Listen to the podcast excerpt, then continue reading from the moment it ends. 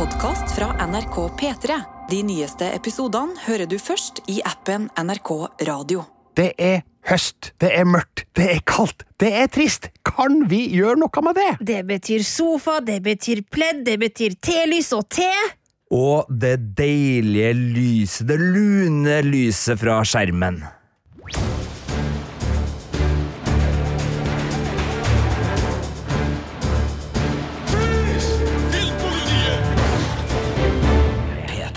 Ja da, vi i Filmpolitiet kommer deg til unnsetning, du som sitter der og trenger et eller annet behagelig å se på i høstmørket.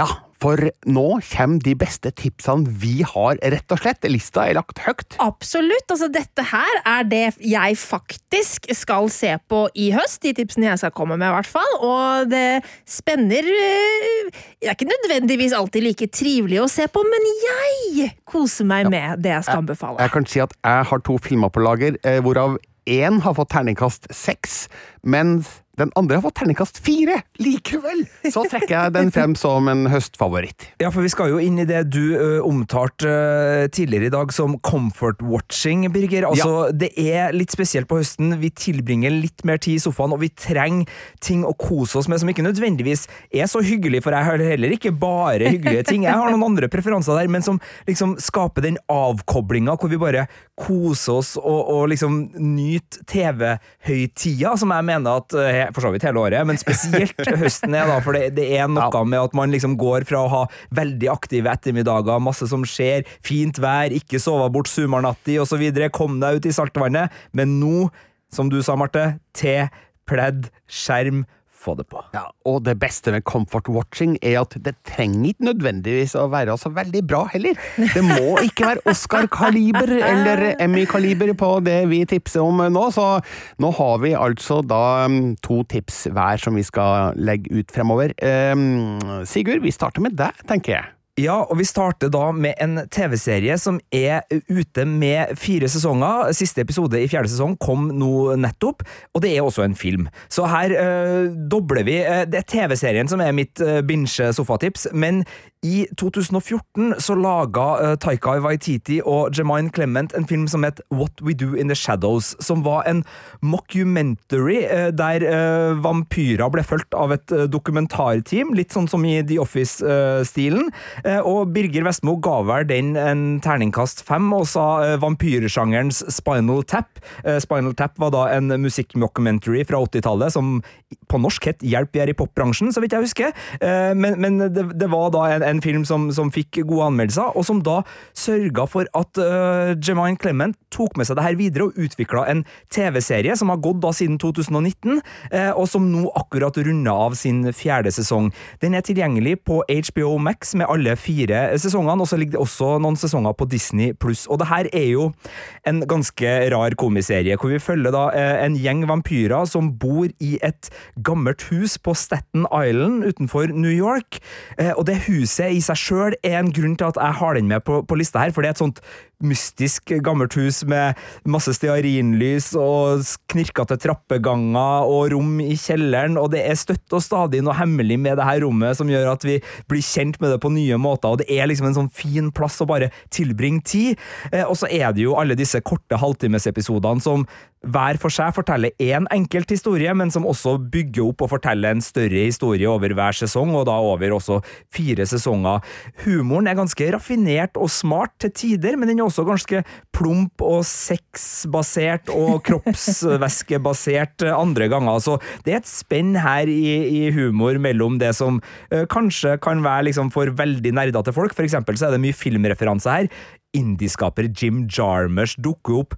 Alle vampyrer du kjenner fra tidligere vampyrfilmer, som Wesley Snipe, som spilte uh, Blade, blant annet, og Tilda Swindon, som spilte ja, Jim Jarmers sin uh, uh, vampyrfilm, var ikke det? Only Lovers Left Alive. Altså, det er mye litt sånn high end Feinschmecker-referanser, men dem trenger ikke du å bry deg om i det hele tatt, for du kan bare kose deg med humoren, som er vovet, eh, og, så er jo kostymene selvfølgelig veldig fine, og vi beveger oss jo hele tida litt sånn, sånn tilbake til 1800-tallet eller 1600-tallet eller enda tidligere, for de har jo levd så utrolig lenge, disse selvhøytidelige og litt pompøse vampyrene, så man får jo stadig uh, blikk tilbake, og så er det jo magi inni bildet her, så plutselig dukker det opp gamle kjente som de kanskje kjente da de var krigsherrer i ja, Mongolia på 900-tallet, jeg husker ikke riktig her, men uh, som et eksempel, da. Og det passer jo veldig godt med tanke på at vi nå er på vei rett inn i oktober, med da vampyrtematikk. Det er jo virkelig oktobermåned-kos, det her, altså. Ja, så du får da eh, litt den her halloween-høstgreia, i og med at det er vampyrer, det er blodig. Eh, Van Helsing sin etterkommer er også med her, eh, så, det dukker opp noen noe vampyrjegerelementer for dem som kan sin sjangerhistorie. Og så er det jo da selvfølgelig den der blandinga av The Office-mockumentary-humoren og det her lune, herlige, kostymebaserte, husbaserte, koselige. Eh, og så er det jo en gjeng i front, da. Kuvian Novak som spiller Nandor the Relentless, en eh, favoritt hos meg. Vi har Leslie Laslow Cravensworth, spilt av Matt Berry, som er mer litt sånn der aristokrat. Litt sånn stor appetitt og, litt selvhøytidelig i en mer litt sånn der selskapelig setting. Og så er det da Nadia fra Antipaxos, en 500 år gammel gresk-romanisk vampyr, som da er, er sammen med Laslo. Og så har du da Harvey Gullien, som spiller Guillermo de la Cruz, som er en såkalt familiar, som da er et menneske som hjelper vampyrer og som tjener dem. Så de utgjør da kjernen, sammen med Colin Robinson, spilt av Mark Proch, som ikke er en blodvampyr, men en energivampyr, som da suger livskrafta ut av folk ved veldig kjedelige samtaler. Så han går da rundt og bare snakker om ja, har du, snakket, altså, har du hørt om aksjesparing, eller har du hørt om timeshare, og bare liksom starte lange samtaler som du aldri kommer deg ut av, og dermed bare suge ut all energien fra både deg og rommet. Så det var mitt første tips. Fire sesonger og én film i What We Do In The Shadows. Ligger da eh, alle sesongene ute på HBO Max, men også litt på Disney pluss. Interessant tips.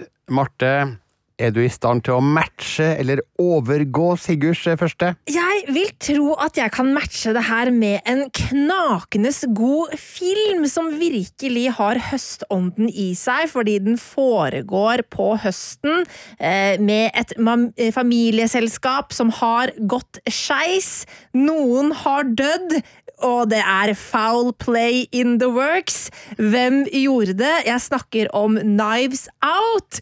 Eh, og det her er jo en kjempeunderholdende film som jeg, jeg syns er en sånn jeg husker Da jeg så plakaten for første gang, så tenkte jeg det her er jo Cluedo. Eh, altså brettspillet. om sånn der, Var det Butland som gjorde det, eller, ja. eller hva det er? Og så minner det jo litt om litt sånn der Agatha Christie, eh, sånn ensemble-cast-opplegg. Hvor vi da er hjemme i, hos familien til en veldig, veldig rik forfatter, som er spilt av Christopher Plummer, som feirer sin 85-årsdag. Han stryker med, eh, og dagen etter så dukker det altså opp eh, et sett med detektiver, eh, hvor da selveste Daniel Craig spiller da detektiv Benoit Blanc, som utroper at han I suspect foul play, og alle er mistenkte. Ja, med en fantastisk fin dialekt. Ja, veldig særegen dialekt. Eh, og det gjør jo at det, sånn, det var en litt sånn annerledes type Daniel Craig-rolle enn det man er vant til å se han som i for eksempel James Bond. Ja, må si det tok kanskje et par minutter før jeg greide å omstille meg til den eh, Daniel Craigen vi ser i den filmen her, i forhold til James Bond-Craigen, som vi har blitt veldig godt eh, vant til, men han, han, spiller jo godt! Ja, han spiller kjempegodt, eh, og han har jo også veldig mange gode skuespillere å spille mot. altså Jamie Lee Curtis, Chris Evans, Anna de Armas, Tony Collette, Catherine Langford, bare for å nevne noen få. Fordi dette her er jo da et stort ensemble av skuespillere som spiller denne familien, og også sykepleieren til denne gode, gamle forfatteren. Og vi blir jo godt eller sånn passe godt kjent med hver og en av dem, for å på en måte få innsikt i eh, kan denne personen ha gjort det? Så er det alltid liksom en eller annen liten mistanke mot hver og en av dem som er veldig underholdende å, å følge med på.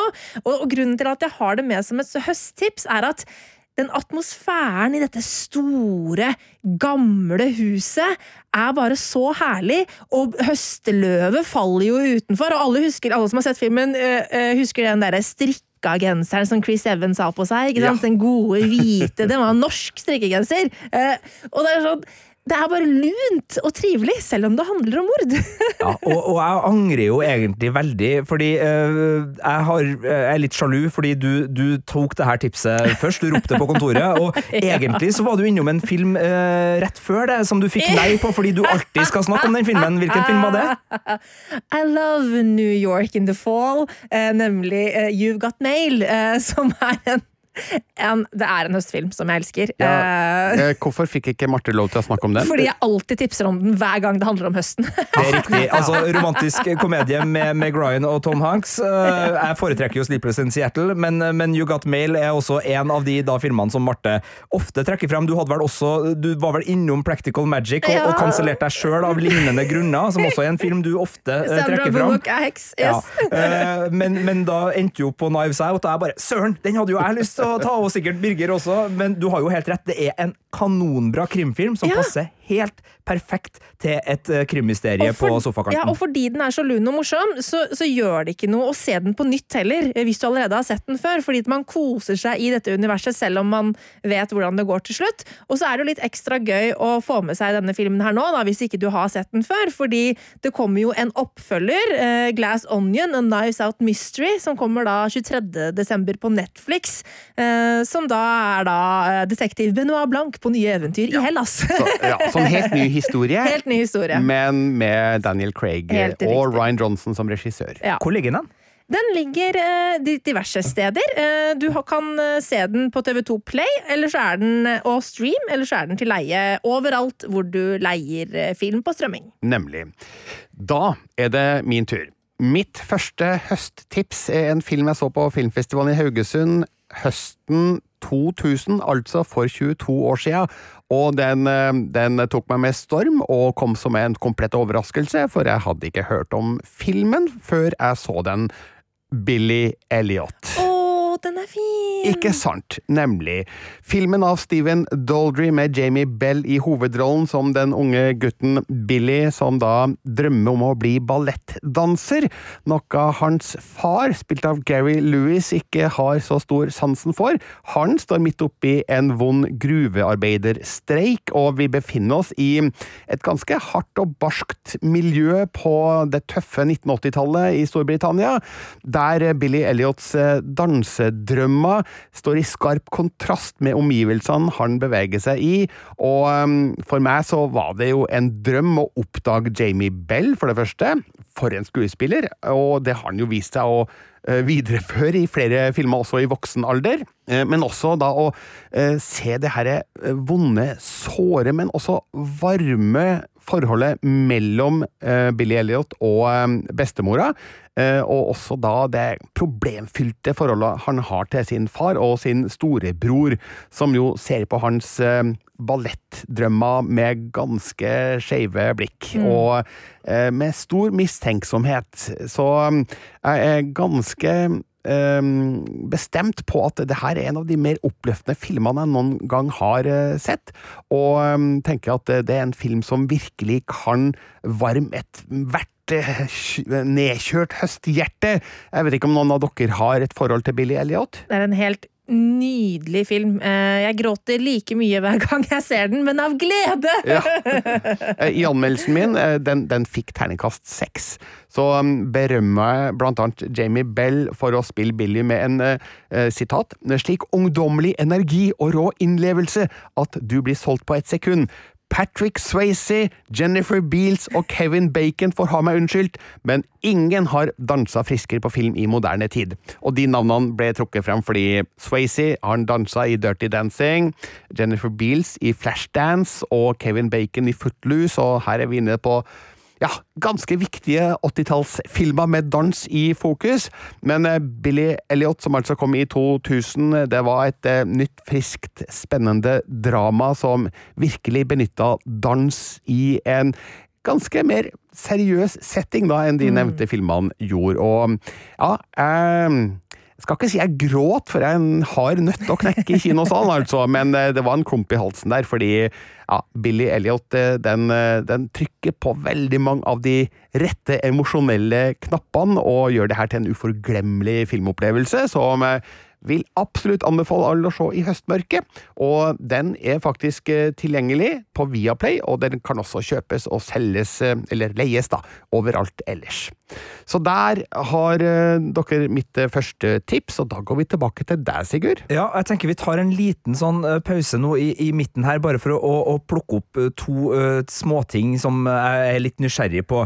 For det er jo ikke noe tvil om at uh, nå er høsten i gang, så det er jo derfor vi, vi tar den her. Altså, Netteren har blitt lang, videre. Men mat og drikke er jo også viktig for skikkelig god sofakos, og jeg skal ærlig innrømme, jeg kan starte. For meg så er tekopp, gjerne med en litt sånn fruktig te, og sjokolade med nøtter i, gjerne da kanskje en helnøtt, en firkløver, en fruktnøtt, Altså, altså, gjerne en 200 grams eh, sjokoladeplate, som jeg da kan konsumere med god samvittighet etter middagen er fortært, og jeg virkelig kan bare liksom mm, mm, nyte eh, høstseriene mine og filmene eh, med god kos. Også svak for potetgull og dipp når høstmørket senker seg, selvfølgelig, og eh, jeg vet jo nummeret til en del lokale fastfood-leveranser som har pizza på menyen, må også ærlig innrømme det. Men hva er liksom deres foretrukne litt sånn høstsnacks når dere skal se på skjermen fra, fra sofaen eller godstolen? Det er rødvin.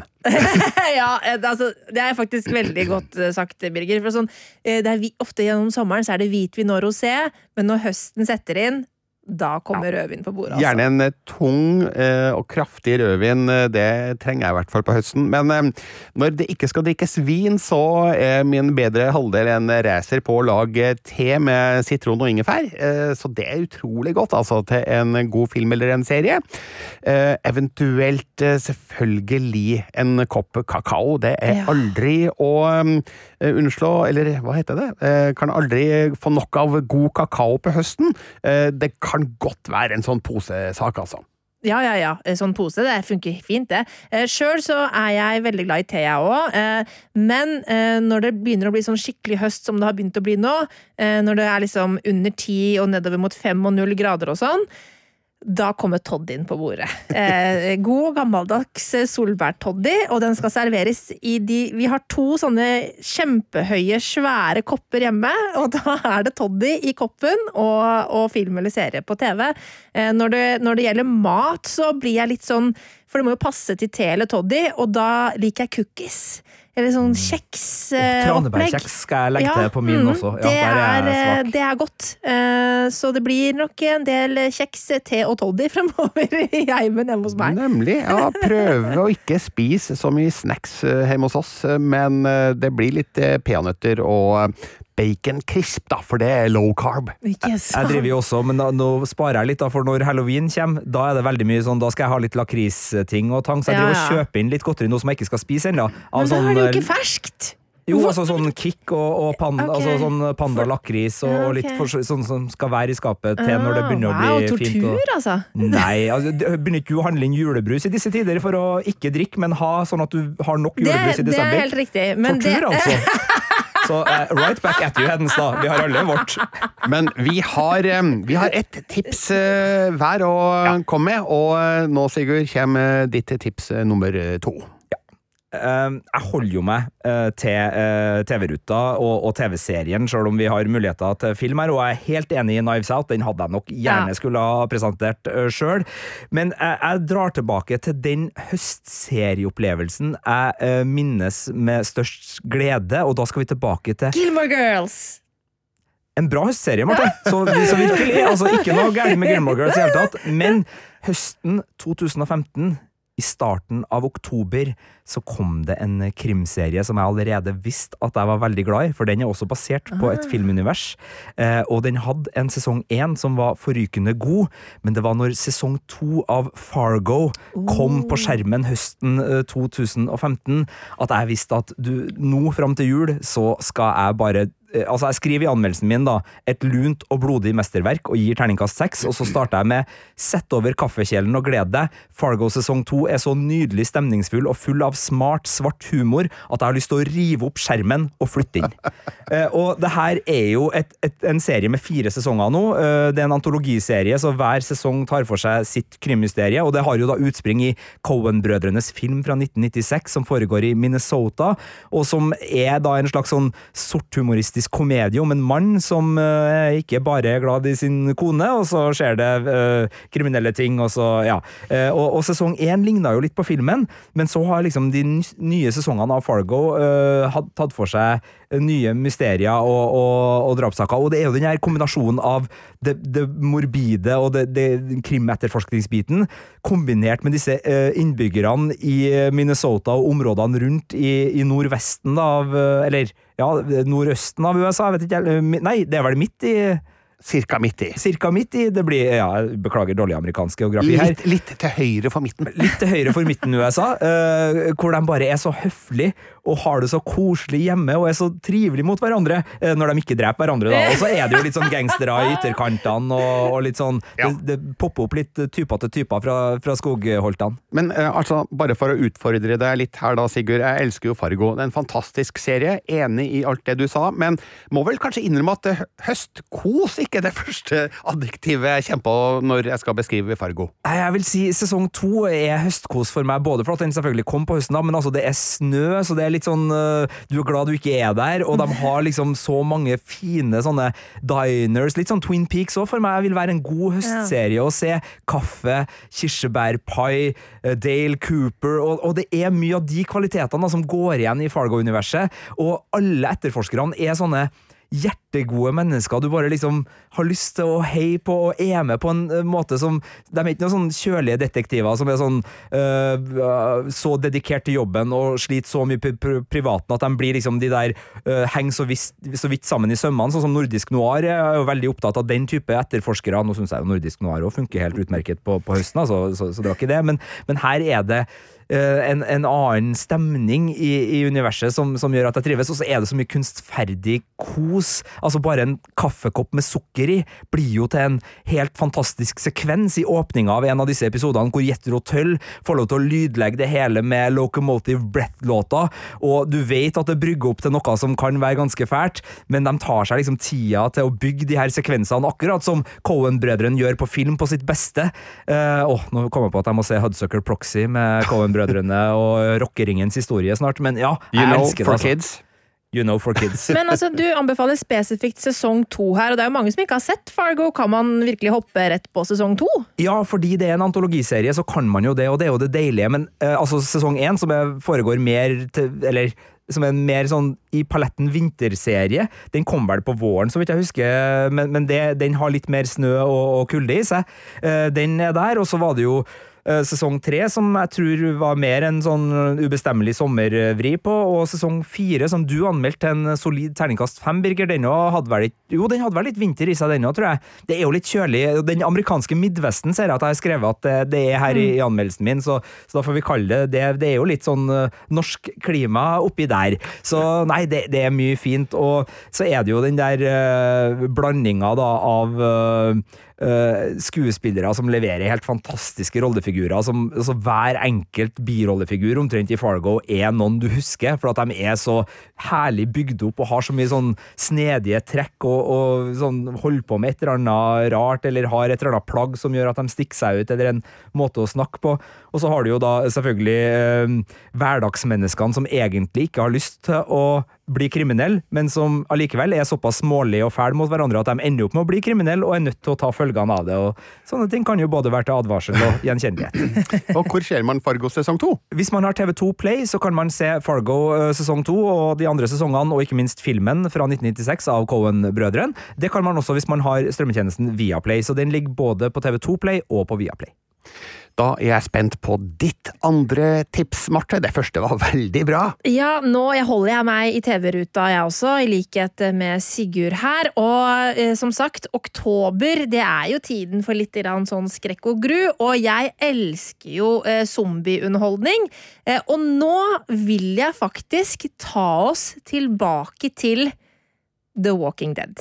Oi, hva? Hæ? Ja, og det, ja, jeg vet at dette her er en serie som har gått i evigheter! Men nå, folkens, skal den altså rundes av. Nå skal The Walking Dead bli ferdig. I november så er det altså seriefinale, og allerede på mandag så begynner da siste del av sesong 11. Del eh, tre av sesong 11? ja, det, da, altså, eh, sesong 11 eh, C eh, er det de har valgt å kalle den, som i ABC, eh, fordi den har blitt delt opp i tre deler av en eller annen merkverdig grunn. Men nå skal vi altså da få vite hvordan det går med gjengen, og for deg som aldri har sett The Walking Dead, så kan jeg jo bare sette hva dette her er for noe. Det er jo at zombieapokalypsen har inntruffet. I første sesong så møtte vi sheriff Rick Grimes, som våkna opp på et sykehus, og verden hadde gått under mens han eh, lå i koma, eh, og han satt ut for å prøve å finne familien sin igjen. Eh, og siden da så har vi altså fulgt han og en hel gjeng med andre på eh, mange eventyr og forferdelige ting. Eh, og det jeg jo elsker med The Walking Dead, er at ja, eh, denne verdenen er jo overrun by zombies, men det er jo kanskje menneskene som er de virkelige monstrene, for hva gjør det med oss å leve i en verden hvor man må virkelig eh, drepe for å overleve? Og så en sånn, det er jo ikke en spoiler, fordi sesong ni må være lov å spoile eh, når man på en måte ikke har fulgt med helt i timen, men han, eh, Rick Grimes gikk jo ut av serien i sesong ni, eh, men han døde jo ikke, eh, vet jo da vi som titta på, eh, og eh, Rick Grimes, altså Andrew Lincoln som spiller han, skal jo da få eh, Først så var det snakk om en filmserie for å avslutte det hele, men det blir nå en miniserie. Eh, Så jeg er jo også da veldig nysgjerrig på om vi vil få se Andrew Lincoln sånn helt på tampen av finalen i The Walking Dead, eh, som skal lede opp mot da den nye miniserien, eller hvordan det blir. Men jeg eh, har falt av The Walking Dead mange ganger opp gjennom åra. Det er en serie som jo kan dette med å tvære seg selv ut. Ofte så har den en sånn sesongkurve hvor det er veldig spennende i starten og veldig spennende på slutten, men så er det av og til en sånn sump på midten av sesongen.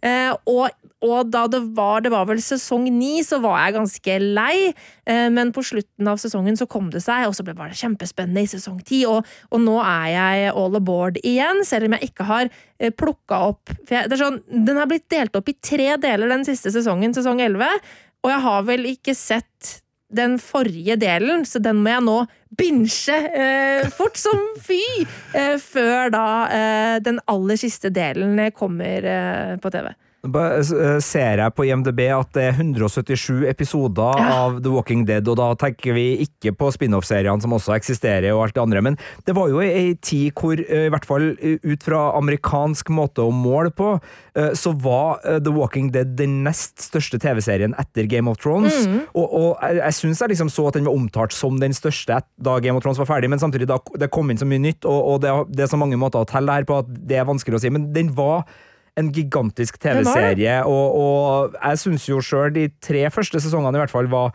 skikkelig skikkelig gode da jeg fulgte med. Jeg har jo ramla av mm, lenge før det. Men jeg er jo veldig enig i at uh, akkurat som den vampyrbiten i What We Do In The Shadows, som vi har snakka om tidligere, og den, uh, så, så, så er den zombiebiten i The Walking Dead godt egna til den der høstkosen, hvor beina ikke nødvendigvis er på gulvet, de er oppe i sofaen med, med pledd rundt seg, sånn at man er liksom litt sånn åh, glad jeg ikke er der. Ja, eh, og det jeg koser meg så utrolig mye med eh, i The Walking Dead også, er eh, selvfølgelig zombiene. Det er gøy og spennende og sånn, men de der mellommenneskelige relasjonene og hva som skjer med et menneske eh, i en sånn situasjon. Eh, og det som har vært veldig spennende når man har fulgt disse menneskene over så lang tid, er at man ser jo både folk som er gode, som, som ender opp med å bli helt forferdelige folk, eh, men også andre veien. At det er også mulig å komme tilbake fra et mørke. ikke sant? Folk som har gjort helt grusomme ting, ender man til slutt opp med å få sympati for, for eksempel. Og det gjør at det blir ekstra spennende, fordi man aldri helt vet hvor man har folk, men man får alltid lov å være med på reisen da, eh, til den utviklingen som rollefigurene har. Eh, Så jeg gleder meg veldig til å se hvor det skal ende, eh, og det blir utrolig spennende. Jeg skal jo da følge serien når den da kommer på, på Disney pluss. Du kan se det som er ute av sesong 1 til 11 både på HBO Max og på Disney pluss, men når den da begynner å rulle nå igjen fra og med mandag 3. oktober, så er det Disney pluss de nye episodene eh, ligger på, da. Eh, Så eh, da gleder jeg meg skikkelig til å bare sitte i sofaen og Det er mulig jeg må Det kanskje går et par episoder før jeg begynner å se, for jeg har litt å ta igjen. Men det blir helt nydelig å bare kose seg med masse deilig zombieunderholdning utover høsten. Jeg respekterer dere begge, men jeg er litt overraska over tipsa dere har kommet med i dag. Altså Du, Sigurd, du har kommet med vampyrer og mafia, og du, Marte, mordmysterium og zombier. Og, for, fordi når jeg tenker på høstkos da, da, tenker jeg feel good. Ja. Er, det, er, det, ikke et poeng i det? det? Jo, men at jeg feeler meg good, holdt jeg på å si. Altså, sånn, jeg koser meg. Og sånn, ja, som jeg nevnte i stad, ja, jeg har jo hatt for vane å, å tipse om You've Got Mail, for eksempel, som er en super feel good Eh, film. Den ligger for øvrig både på HBO Max og Viaplay hvis man har lyst til å se den. Som har både den høstfeelingen fordi det er høst i løpet av filmen, og sånn deilig romantisk koselig kos. Eh, men høsttid er også en tid for mørke. Det er jo halloween-sesongen, og derfor passer det også litt godt med litt eh, mord og mysterier og, og, zombie og skrekk. Ja, og spesielt den lune krimtypen, eller den der uh, litt sånn neglebitende krimtypen, syns jeg fungerer utmerket om høsten. Altså, hadde det ikke vært for at vi har snakka så mye positivt om den, så hadde jo Only Murders in the Building ja. vært et optimalt tips her, for den har jo alt. Den har det gode selskapet, den har den lune, fine New York på høsten-vibben. og så så har han da Selena Gomez, Steve Martin og Martin Short i tre helt nydelige roller, som både gjør narr av uh, true crime podcast-sjangeren, samtidig som den gir oss et sånt levende Agatha Christie-mysterium der vi kan sitte og, og gjette. Og der er jo to sesonger ute. Den ligger på Disney Pluss. Jeg sneik inn det tipset, bare sånn uh, ekstra. uh, men, men denne type liksom sånn um, lun krimunderholdning, den, den, hører veldig høsten til for meg. Jeg syns jo påskekrimmen er fin. Veldig glad i påskekrimmen, men sånn som liksom resten av våren, så er jo ikke krim noe jeg liksom søker meg til, men på høsten da søker jeg meg til både true crime og en annen en som vi har snakka altfor mye om, Under the Banner of Heaven, hadde jeg høyaktuell Det er jo en slags sånn True Detective-aktig sak som også ligger på Disney+. Den, den, den, er, den er ikke lun. Nei, den er ikke lun, men der er vi inne i det. True Detective er jo heller ikke lunt. Nei. Men da er vi inne i den der nordisk noir uh, men altså, Da, da ja. føler, jeg, føler, jeg, mer av påske enn høst, okay. altså. Så jeg er bare glad i krim. Ja, det kan være at jeg er bare glad i krim, men, men uh, ja. det, det, det, det, den lune krimmen i hvert fall, den, den har jeg et veldig bankende høsthjerte for. Uh, som vi har snakka om på kontoret før vi spilte inn denne podkasten, så ville jo jeg egentlig tipse om en film som heter Indian Summer uh, fra 1993, som er kanskje min favoritt-feelgood-film. Uh, det handler om en vennegjeng på 30 pluss som gjenforenes på sommerleiren de en gang møttes på. Rett før den skal stenges for godt. Og det her er på sensommeren, tidlig høsten, og bladene har begynt å bli oransje og gule, og ting skjer. Eh, gamle feider og gammel kjærlighet eh, kommer opp igjen, og så er det et spørsmål om eh, hvem skal egentlig drive summercampen videre? Er det kanskje en av de som er til stede på denne helgeturen? Men denne filmen er ikke mulig å strømme noe sted. Du må bestille den på Blu-ray fra USA hvis du skal få sett den. og Dermed er den diskvalifisert eh, her, sjøl om jeg nå har brukt et minutt på å snakke om den. I stedet for så har jeg en film som skal rette opp i alt det skeive som har skjedd her nå, med vampyrer og zombier og mord, eh, nemlig Mamma Mia. Yes! Det er jo sommerfilm! Det er en sommerfilm! Ja, men du, når du kommer til høsten og det blir mørkt og kaldt og trist og regnfullt, da trenger du jo en film som kanskje forlenger sommerfølelsen litt. Og som ikke minst gir deg null motstand. For denne filmen kan du bare synke ned i sofaen og bare konsumere uten å tenke for mye på hva som skjer. For du møter bare hyggelige, pene, vakre folk. Eh, som synger eh, fine, morsomme ABBA-sanger i en historie som eh, bare rett og slett ikke krever noe av deg. Og kanskje det er noe av det beste jeg vet med en høstfilm, nemlig å bare bli underholdt uten å være nødt til å bruke hjernekapasitet for å prosessere det som skjer. Og Mamma Mia er en perfekt film i så måte. Eh, anmeldt den til en firer på terningen da den kom på kino i 2008. Mm, du sang anmeld, anmeldt den, så vidt jeg husker, til en terningkast fire, gjorde du det? Ja, jeg laga både en, eh, sang, eh, en, sanganmeldelse og en vanlig anmeldelse. da. I den vanlige anmeldelsen så mm, skrev jeg at det er mange klisjeer som puttes inn i historien, men, men hva kunne vi egentlig forvente eh, av en film basert på ABBA-musikk? eh, og så skriver jeg at jeg ikke er sikker på at filmen kunne ha blitt stort bedre enn det den har blitt. Langt ifra årets beste film, men den kjemper om å være årets søteste, eh, skrev jeg da i 2008, og det mener jeg fremdeles. Jeg har ikke sett den veldig mange ganger etter det, men eh, den har rulla godt på TV innimellom, og da ser jeg bruddstykker av den, og blir jo slått av at den har jo en utrolig hyggelig atmosfære. Og um, musikken til ABBA den, den, slår jo ikke feil, uansett hva man uh, syns om ABBA, eller om man har et forhold til musikken eller ikke, så innbyr den til kos og hygge. Og um, derfor så får jeg alltid den gode feelgood-følelsen av uh, Mamma Mia. Har ikke sett oppfølgeren, men den første filmen den, den står seg altså ut ifra de forutsetningene den er laga under, da. Og så er den jo veldig inspirerende, tenker nå jeg, for de som har høstferie og tenker sånn Nei, dæven døtte, vi hopper på en tur til Hellas, sa dere. Ikke sant? Og så har den Meryl Streep, den har Pierce Brosnan, Stellan Skarsgård, Colin Firth, um, Julie Walters, Christine Baranski Den har massevis av hyggelige skuespillere foran kamera som eh, ser ut til å kose seg ordentlig, og det smitter over på seeren, syns jeg, da. Så er det jo øh, noe sånn at selv om min øh, og Marte sin umiddelbare reaksjon var Men det er jo en sommerfilm, så kom jeg nå på at i min familie uh, så har det også blitt en romjulsfilm, fordi det er en av de filmene alle er enige om at det er koselig å se. ja. sånn at uh, plutselig så står den på når vi har besøk da, av litt tanter og onkler og, og søskenbarn, og, og, familien har lyst til å liksom sånn Ja, den er koselig! Litt sånn Flåklypa blir en julefilm, og, og, enkelte andre filmer som egentlig ikke er julefilmer, blir julefilmer. Så imellom vår 'det er en sommerfilm' og min 'det er en julefilm', så selvfølgelig er det en høstfilm, Birger, du har helt rett. ikke sant. Og den kan du se på Netflix eller Viaplay hvis du abonnerer på en av de tjenestene, eller så kan du kjøpe eller leie den overalt ellers, stort sett, da. Så det var våre seks beste høstkosefilmserietips. Det var et veldig langt ord. Eh, litt av hvert, får en si. Jeg syns at spennvidden er ekstremt eh, stor her. Men eh, det finnes selvfølgelig mange andre filmer og serier vi òg kunne ha hatt med her.